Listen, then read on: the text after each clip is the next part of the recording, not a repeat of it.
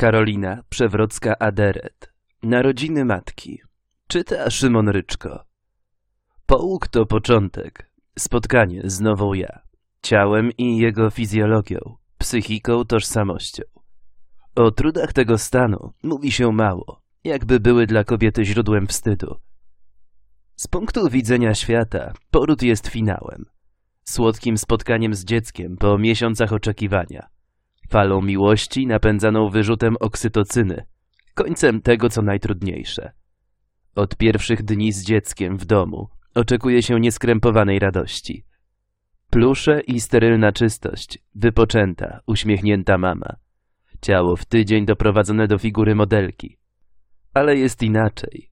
Dla kobiety poród to dopiero początek, we wszystkich znaczeniach tego słowa.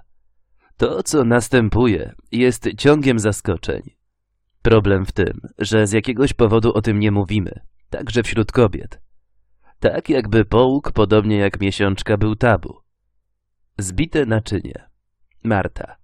Z pierwszych godzin pamiętam nagłą pustkę, samotność po tym, jak skończyło się spotkanie skóra do skóry i przewieziono mnie do cichej sali porodowej.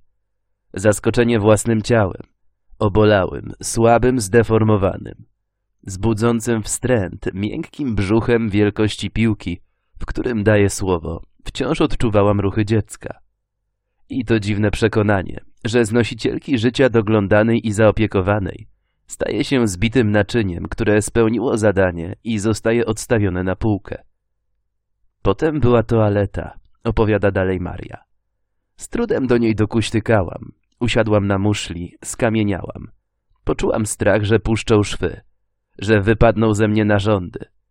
Weszła pielęgniarka. Mówię jej, że mam problem. Zapytała dlaczego. Poczułam wstyd. Panikujesz, pomyślałam. Gdy wyszła, płakałam. Agnieszka. Po urodzeniu 4,5 kilogramowego syna cierpiałam. Bolało mnie całe ciało. Nie mogłam stać, siedzieć, leżeć. Straciłam dużo krwi. Przetoczono mi trzy jednostki. Biorąc prysznic, dreptałam w miejscu, bo wydawało mi się, że tak będzie mniej bolało. Syn był upragniony, wyczekiwany. Spodziewałam się filmowego. Po porodzie położą ci dziecko na brzuchu i zapomnisz o bólu. Dodaje. A mnie fala miłości nie zalała od razu. Po powrocie do domu wpadłam w przerażenie. Nie miałam mleka, nie wiedziałam jak sobie radzić z małym.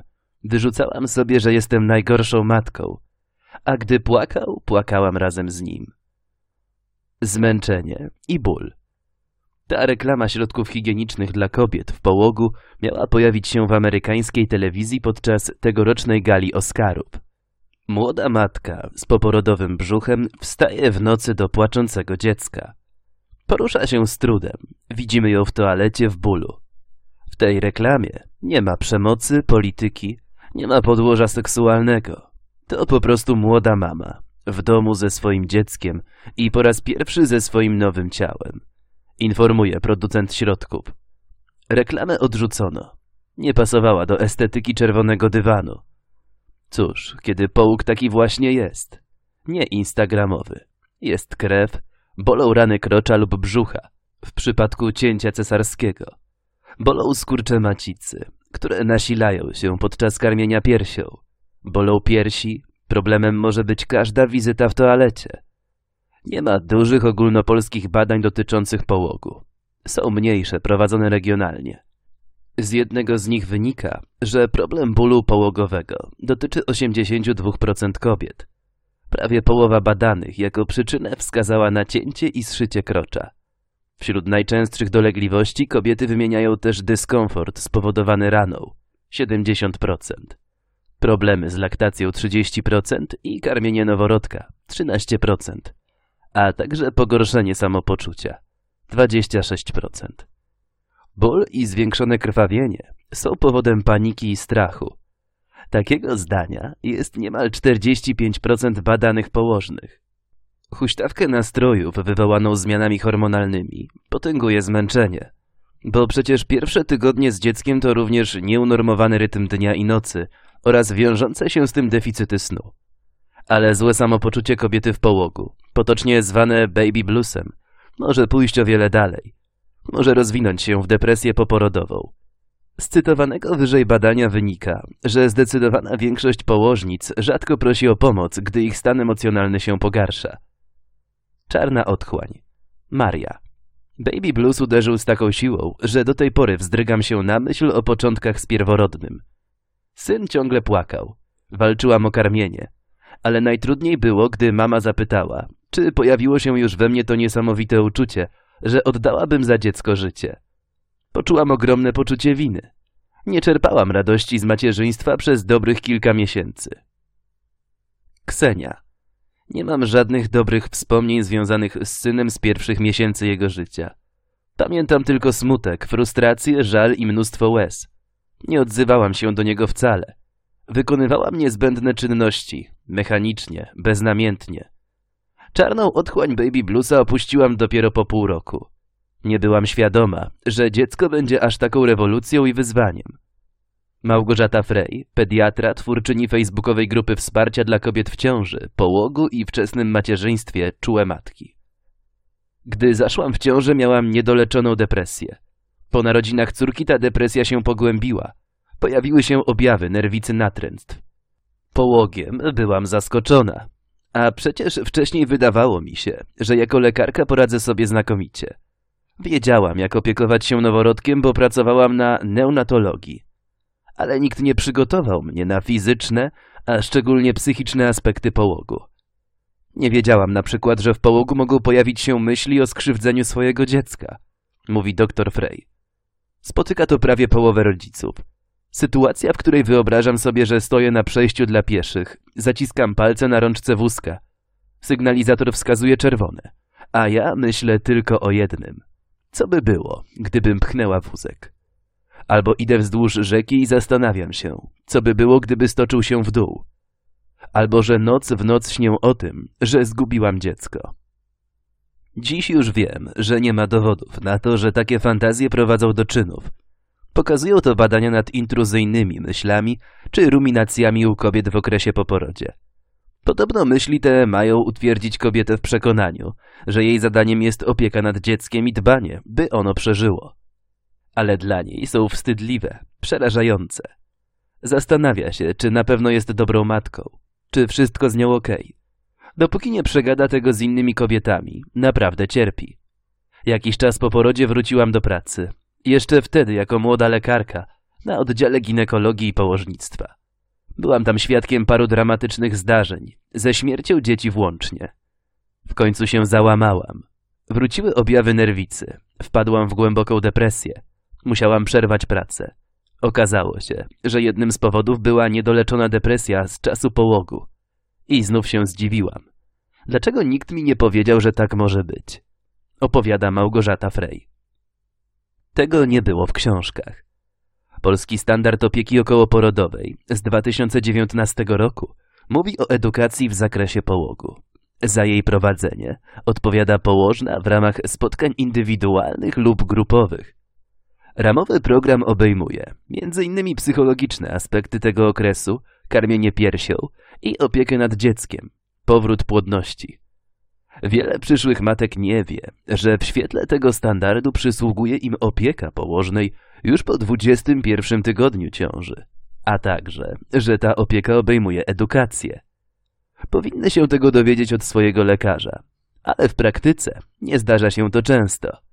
Zresztą część młodych matek podkreśla, że mimo ukończenia kursu nie było świadomych tego, co je czeka.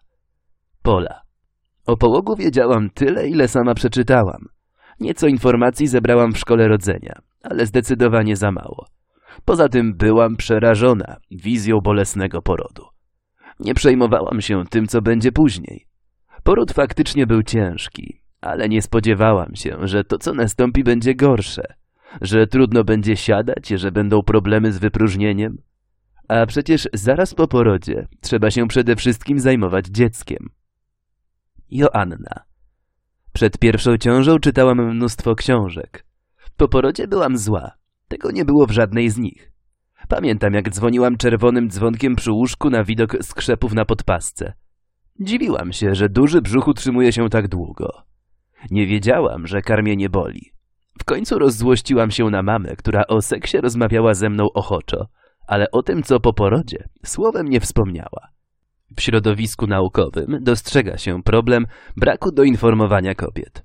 Staramy się to zmienić. Przejawem jest nowa formuła standardu opieki okołoporodowej, a także wydawana ostatnio literatura.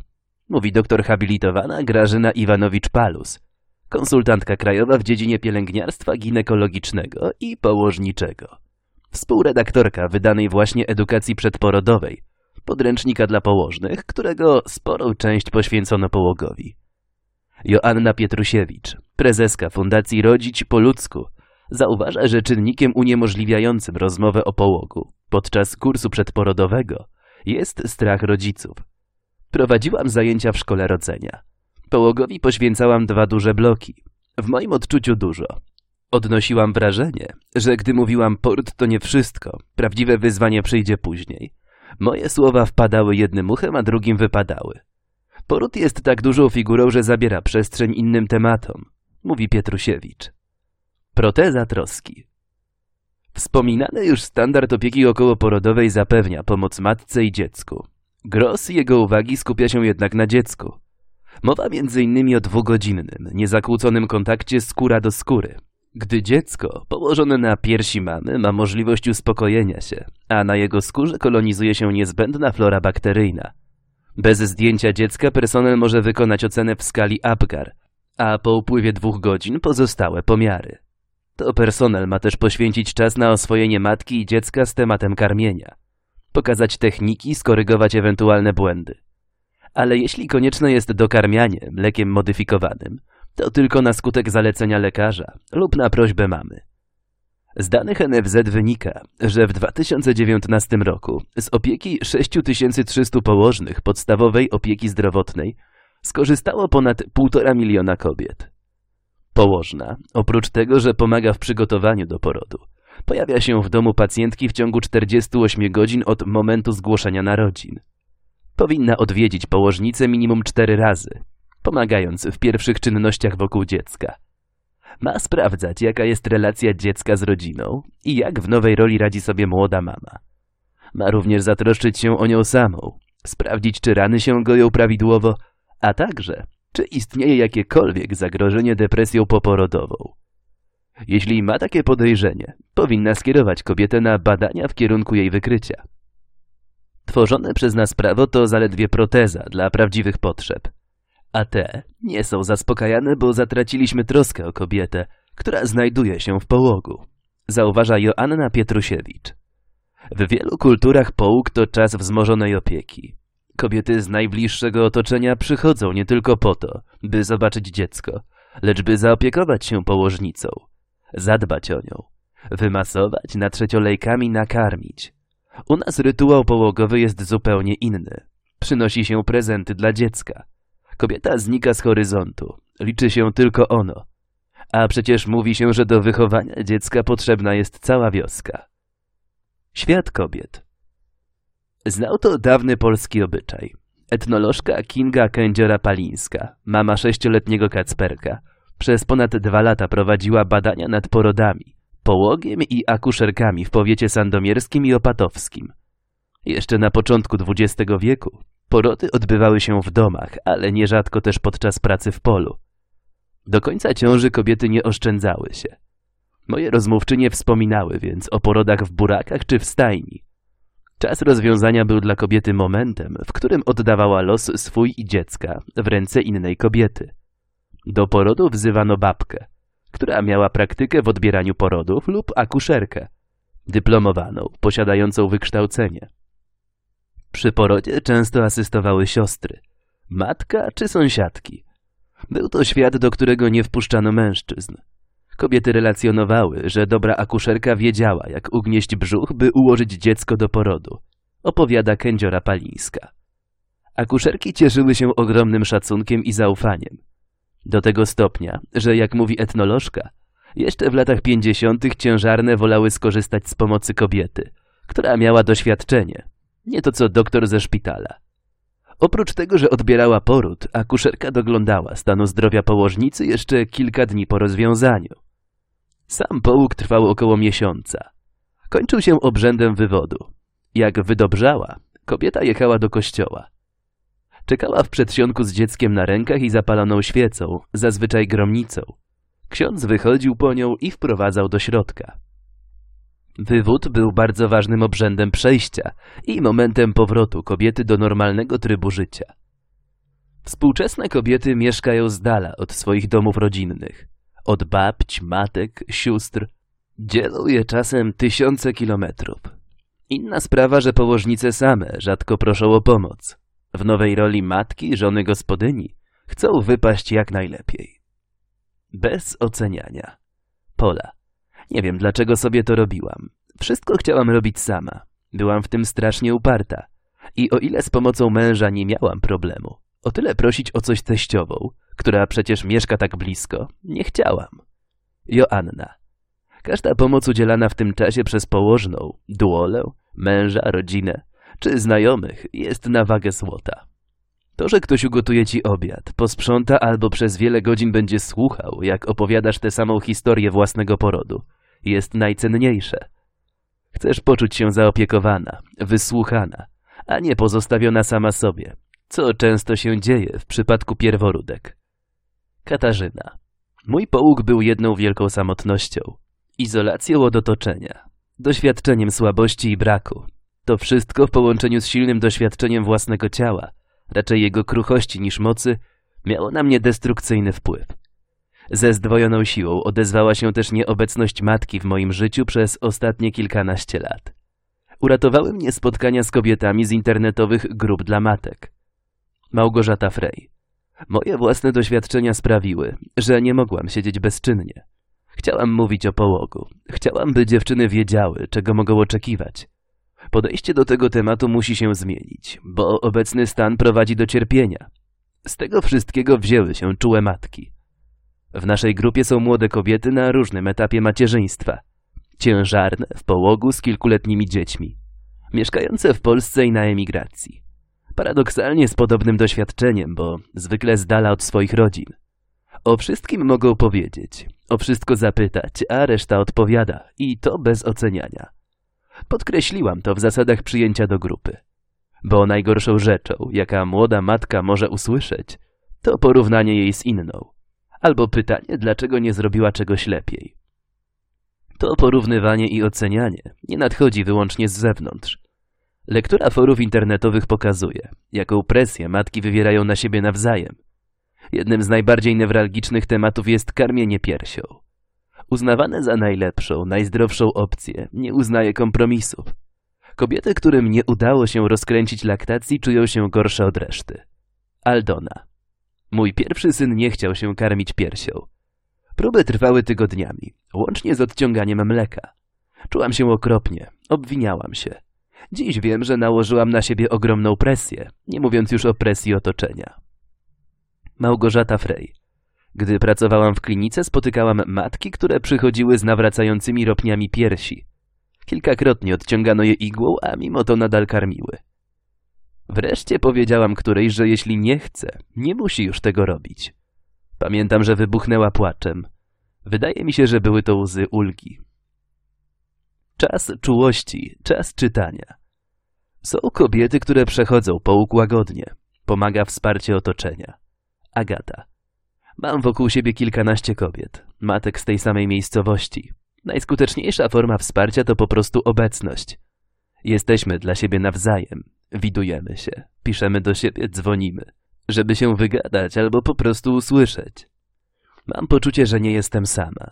Żeby jednak otworzyć się na tak intensywną obecność kobiet w moim życiu, musiałam najpierw otworzyć się na siebie jako kobietę. To był proces, który zaczął się długo przed ciążą, znaczony masą łez, złości i strachu. Kiedy docierałam do zranień z dzieciństwa i okresu dojrzewania. Kiedy uświadamiałam sobie, jak nie akceptuję swojego ciała, swojej płci. Na koniec, mogę to powiedzieć, pokochałam siebie. Ciało odwdzięczyło się cudownym porodem i połogiem, a w moim życiu zawitały sąsiadki, koleżanki, przyjaciółki. Karolina. Połogu niemal nie odczułam. Piątego dnia po porodzie wyszłam na spacer, a kolejne pięć dni później chodziłam po szlaku nad Dunajcem. Ostatni dzień połogu spędziłam tańcząc na weselu koleżanki. Ola. Był ciepły październik. Gdy po tygodniu od cesarskiego cięcia przestało boleć, zaczął się czas ze słodkim maluszkiem, który jadł i spał. A ja oglądałam filmy, czytałam książki, chodziłam na spacery. Mąż robił śniadanie do łóżka. Wszystko działo się niemal książkowo. Joanna. Rodziłam przez cesarskie cięcie. Wiedziałam, że muszę się oszczędzać. Przed porodem nie miałam instagramowych wizji macierzyństwa. Dużo rozmawiałam z przyjaciółkami. W efekcie szykowałam się jak na wojnę. Zrobiliśmy z mężem przemeblowanie, by było wygodniej.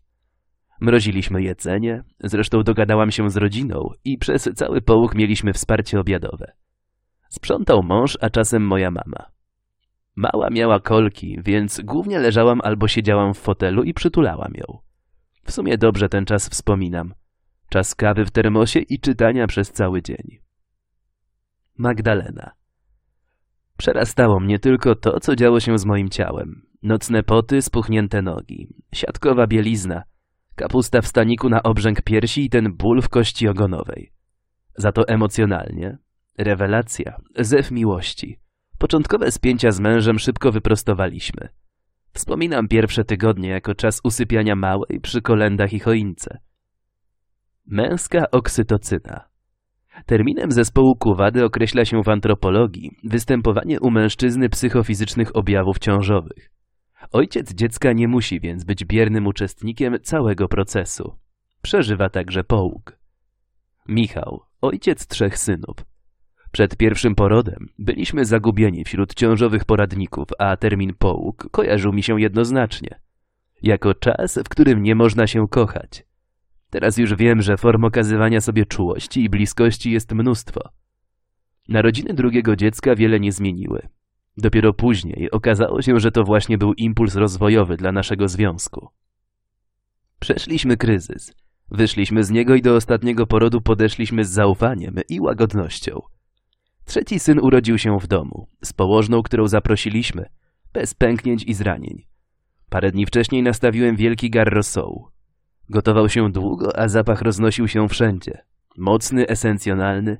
Mam wrażenie, że bardzo żonę wzmacniał.